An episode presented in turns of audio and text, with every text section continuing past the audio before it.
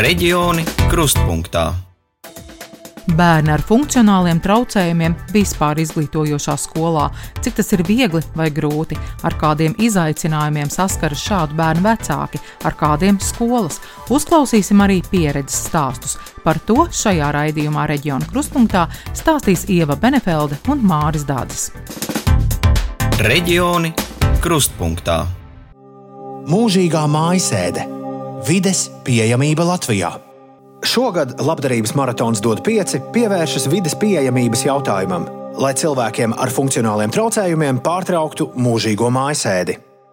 Latvija ir pievienojusies ANO konvencijai par bērnu tiesībām, kā arī konvencijai par personu ar invaliditāti tiesībām. Tas nozīmē, ka arī Latvijai jāievēro to prasības, piemēram, jānodrošina bērna vajadzībām atbilstošu apmācību, jāizslēdz jebkura veida diskriminācija, tostarp veselības traucējumu dēļ. Savukārt UNESCO Salamankas deklarācijā par iekļaujošo izglītību sacīts, vispār izglītojošās skolas, kas orientētas uz iekļaujošu izglītību, ir visefektīvākais veids, kā cīnīties pret diskriminējošu attieksmi, veidot pretim nākošu un iekļaujošu sabiedrību un panākt izglītību visiem. Turklāt tās nodrošina efektīvu izglītību bērnu vairākumam, kā arī uzlabo visas izglītības sistēmas efektivitāti un rentabilitāti. Bet kas notiek realitātē, kad ģimene, kurā aug bērns ar funkcionāliem traucējumiem, par mācību vietu savai atvasē izvēlas vispār izglītojošu skolu, nevis speciālo, kur vide pielāgota konkrētiem traucējumiem? Atbildi no visiem uzrunātiem speciālistiem un vecākiem viegli nav. Piemēram, Kuldīgas novadā skolēns ratiņkrēslā iekļūt varēs daudzās skolās, bet nokļūt no stāva uz stāvu un uz konkrēto klasi vienā. Šobrīd gan novadā nav neviena skolas vecuma bērna, kurš pārvietotos ratiņkrēslā un apmeklētu mācības vispār izglītojošā skolā, stāsta Kuldīgas novada pašvaldības izglītības nodaļas vadītāja Santa Dubure. Ja mēs runājam pavisam konkrēti, tad līdz mums ir vienā skolā.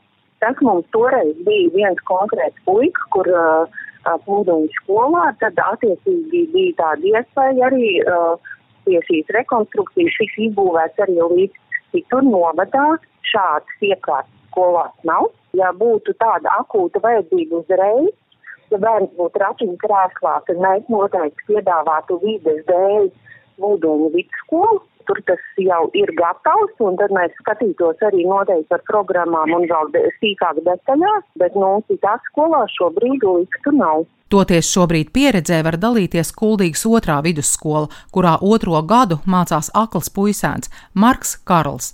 Šobrīd viņš ir pirmajā klasē. Skolā īsteno iekļaujošo izglītību, tomēr darbs ar šādu bērnu bija jaunums visiem. Skolas direktore Guntra Buivida neslēp, ka sākumā visi bija ļoti uztraukušies, vai to spēs, un vai savas nezināšanas dēļ nenodarīs pāri bērna attīstībai un spējām apgūt mācību vielu. Mums vajadzēja noteikti speciālo pedagogu.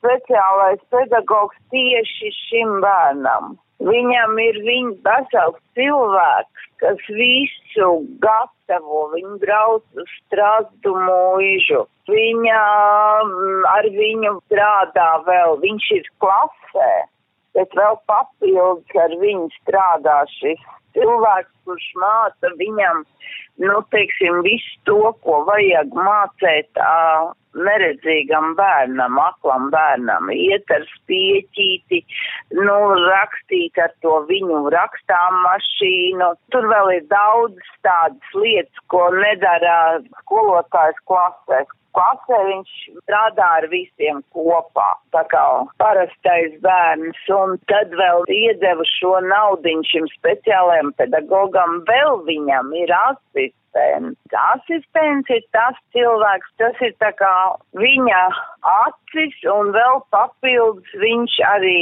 turpina darīt to, ko dara speciālais pedagogs un skolotāji vēl to mācīšanās procesu. Var teikt, es redzu, nu, ir rezultāti.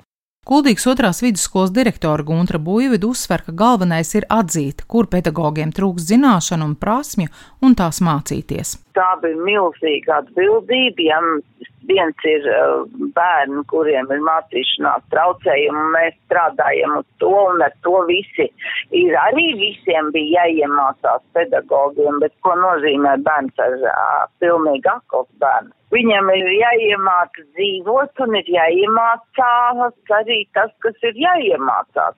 Nu, un te mūsējie brauc uz to Strasbūīšu, no Strasbūīšu tur cepur nost, viņi ir ļoti atsaucīgi, viņi mums arī daudz palīdz, tad viņi arī mūs aizcauca mācīties, tur aizbrauca gan tā klases audzinātāji, gan speciālais pedagogs, un viņi arī mums, nu, tā kā palīdzēja saprast, ko vajag nopirkt, lai varētu sākt nu, viņu apmācīt, lasīt, rakstīt, rēķināt. Nu, tā, un tas tāds bija tas sākums. Tas mazais bērniņš, nu, katra mamma jau saprot, cik tas ir briesmīgi, ka tev tas bērns ir, nu, tā kā jāizrauj no ģimenes un kaut kur jāieliek. Ģimene, jāsaka, ir nu, tāda, kas arī paši ļoti daudz dara, ļoti strādā ar to bērnu, un tad jau kopā sanāk. Marka Karla mamma Sintīna Tukiša atzīst, ka vecākiem jābruņojas ar pacietību un mērķtiecību, lai bērns varētu iet vispār izglītojošā skolā. Viņas gadījumā speciālā skola bērniem ar redzes invaliditāti būtu Rīgas Strasdumuižas vidusskola attīstības centrs. Tā šobrīd ir vienīgā mācība iestāde valstī, kur bērniem un jauniešiem ar nopietniem redzes traucējumiem tiek nodrošināts redzes īpatnībām pielāgots mācību process. Tomēr tik mazu bērnu palaist uz Rīgu internātā mamma nebija gatava. Palikām kuldīgā, jo šeit mums ir iekopts mājas un uh, pieteicās arī mazākais brālis, un tāpēc mēs uh, vēlējāmies saglabāt ģimeni un palikt šeit kuldīgā. Pārvākties uz Rīgu mēs nevēlējāmies, jo tas ir diezgan liels attālums no dzimtajām mājām, un tomēr izvēlējāmies šeit, jo ir pastāv tāda iespēja par iekļaujošo programmu bērniem ar īpašām vajadzībām. Tad uh, nekas cits neatlikt, kā, protams, internāts, uh, ja es vēlētos, piemēram, dzīvot uh, mūsu dzimtajās mājās kuldīgā. Protams, man sirdsapziņa neatļauj atstāt manu bērnu visu nedēļu prom no mājām, jo es uzskatu, ka viņam ir jādzīvo veselīgā vidē, kur viņam ir gan tēvs, gan mamma, un lai viņš katru dienu atgriežas mājās, viņam ļoti patīk rotaļāties, viņam ir savas mantas, un lai viņam tā vide ir daudzpusīga, mainīga, kā arī mēs uh, ārpus skolas uh, apmeklējam par dziedāšanu. Vasarā mēs ejam uz reiterapiju, mums ir fizioterapijas arī, un, un katrā ziņā ārpus skolas arī diezgan aktīvs dzīvesveids, lai paliktu šeit. Mārka Karla māma pati gājusi uz pašvaldību lūgt finansiālu atbalstu, lai bērns varētu mācīties skuldīgā. Tas ir finansējums speciālajam pedagogam, kurš strādā tieši ar šo bērnu, asistentam un speciālam tehniskiem aprīkojumam un mācību materiāliem. Kopā 14 tūkstoši eiro rasti kuldīgas novada pašvaldības budžetā neparedzētiem gadījumiem. Mārka Karla māma atzīst, ka šobrīd ir apmierināta ar skolā dēlam nodrošināto izglītību. Mums vispār viss iesākās tā, ka ja Marks piedzima, tad mēs uzzinājām, ka viņš ir neredzīgs un, un protams, mēs dzīvojām kuldīgā, domājām, sagaidīsim to bērnu dārzu laiku un tad arī skatīsimies, kā viss ceļš pavērsīsies. Un tad uh, man izveidojās kontakts ar Strasmuļas direktori, un mūs uzaicināja vairākas reizes uz kādu nometnīti. Līdz ar to mēs pierakstījāmies bērndārzā, kas ir piesaistīts Razmūžai, speciālais bērndārs bērniem ar redzes traucējumiem. Un tā mēs uh, trīs gadus no 2016. gada braukājām uz Rīgu, kas īrēja dzīvokli tur, un Mārku katru dienu nogādāju uz bērndārzu. Un tad nedēļas nogalēs, protams, braucām atpakaļ mājās. Tad mums pieteicās jaunākais dēliņš, un, un, un līdz ar to visu ceļu veidu atpakaļ uz skuldīgu. Tad mēs nobāzējāmies vienā bērndārzā un sapratām, ka uh, pienākus tā pirmā klase, bet ka viņš nav gatavs. Ja, tad mēs vērsāmies Kuldīgas otrajā vidusskolā ar lūgumu atkārtot to gadu un, uh, un sagatavošanas klasē. Un, jā, un Marks ja, forši tur iedzīvojās, un viņam bija asistente, un viņš daudz ko jaunu iemācījās, jo audzinātāji bija ļoti forši. Arī sagatavošanas klasē, kad mēs uh, mācījāmies pirmo gadu otrā vidusskolas, otrā vidusskolā, Mums bija speciālais pedagogs, kas trīs reizes nedēļā ar viņu individuāli strādāja. Protams, saskarsme viņai bija pirmo reizi ar neredzīgu bērniņu, bet viņa ļoti labi visu apguva, visu mācēja viņam iemācīt, daudz pati meklēja informāciju. Tas pirmais pamats jau tika ielikts, un, un, un tad šogad uzsākot to pirmo klasi, tad gan klases audzinātāji, gan gan audzinātāji, kas ir darbojas atsevišķi tieši ar Mārku, viņi devās uz Rīgā uz Strasmožu divu dienu um, semināriem. Un, protams, viņiem paralēli jau visu laiku, ne tikai tam semināriem, arī visu laiku ir sadarbība ar Strasmožu par mācību materiāliem, par to, kādas iekārtas skolai iegādāties, kāda mācību materiāla būtu vēl jāpapildina. Nu, visu laiku ir tāds saskarsme viņiem ar, ar Strasmožu. Un es uzskatu, ka viņš ir ļoti labās rokās, par viņu parūpējās un, uh, un viņš mācās. Un es regulāri sazinos arī ar to skolotāju palīgu, kas, uh, kas ar viņu individuāli darbojās. Darboties līdzi viņš darbojās. Nu jā, viss mācību process norit veiksmīgi pagaidām. Biedrībā Latvijas bērniem ar kustību traucējumiem atzīst, joprojām galvenā problēma veiksmīgai iekļaujošai izglītībai ir vispār izglītojošo skolu vēlēšanā savā skolā redzēt bērnus ar funkcionāliem traucējumiem, kā arī pedagoģu izglītotību, jo katrs gadījums ir individuāls arī funkcionāliem traucējumiem, stāsta biedrības valdes priekšsēdētāja Ilze Kenne mūsu gan pamatskolās, gan vispār izglītojušās skolās pietrūkst šī individuālā pieeja. Tas pedagoģu viedoklis nav vienots.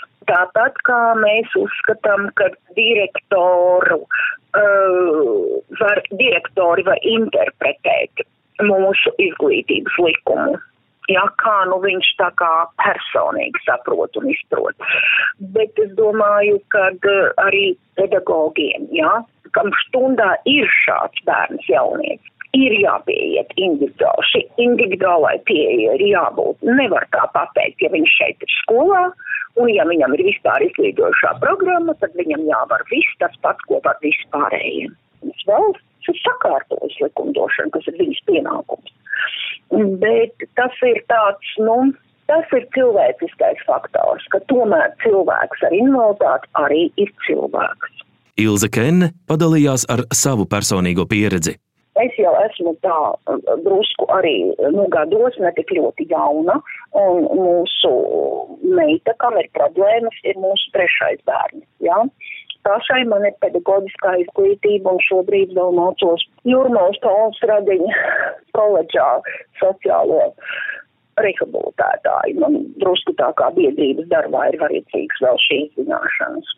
Mm, jāsaka, ir tā, ka eh, mana Anna mācījās 85. vidusskolā, vispār izglītojošā, kur es arī pats strādāju, un kolēģi man bija daži tādi, kas saprata, jā, kad viņa nevar tik ātri visu izdarīt. Viņai atļāva pabeigt pārbaudas darbus brīvstundā. Daži kolēģi uzskatīja, kad varētu to darbu noņemt un teikt, lūdzu, Anna atnāc uz konsultāciju un pabeidz savu darbu. Bet tie bija daži. Lielākā daļa skolotāju uzskatīja, ja reiz viņa šeit ir, tad viņai vajag varēt visu to pašu, ko pārējiem. Nu, kāds bija tas darbs, tāds bija tas darbs. Bet viņi veiksmīgi pabeidza pamatskolu, pēc tam arī tehnikumu, uh, interjeru dizainu, un šobrīd viņai ir universitātes diploms, mākslas pedagoga. Mūžīgā mājasēde Vides pieejamība Latvijā. Jāteic, ka šobrīd iekļaujošo izglītību īsteno 67% pašvaldības skolu, aicinot sabiedrību ieraudzīt to cilvēku ikdienu, kas saskārušies ar redzes, dzirdes un kustību traucējumiem, arī sabiedrisko mediju labdarības maratons dot pieci šogad izcels vides pieejamības problemātiku cilvēkiem ar funkcionāliem traucējumiem. Raidījums veidots RTV un TV kursa pēc programmas Latvijas Radio 1 pasūtījuma. Raidījumu veidoja Ieva Benefelde, Māris Dadzis un raidījumu tapšanā pateicamies par sadarbību arī Alanam Perševicam. Jau pēc nedēļas raidījumā Reģioni Krustpunktā mūsu kolēģi no RTV stāstīs par cilvēkiem ar kustību traucējumiem pie autostūres. Cik reāli tas ir Latvijā? Ja cilvēki ar kustību traucējumiem kļūtu neatkarīgāki un spētu pārvietoties paši, būtu iespēja saņemt laicīgi gan tik nepieciešamos ārsta pakalpojumus, gan apmeklēt kultūras pasākumus pasākumus, jo vajadzības un vēlmes jau ir tādas pašas kā pārējiem. Viņi tāpat grib iekļauties kopējā sabiedrībā. Reģioni krustpunktā.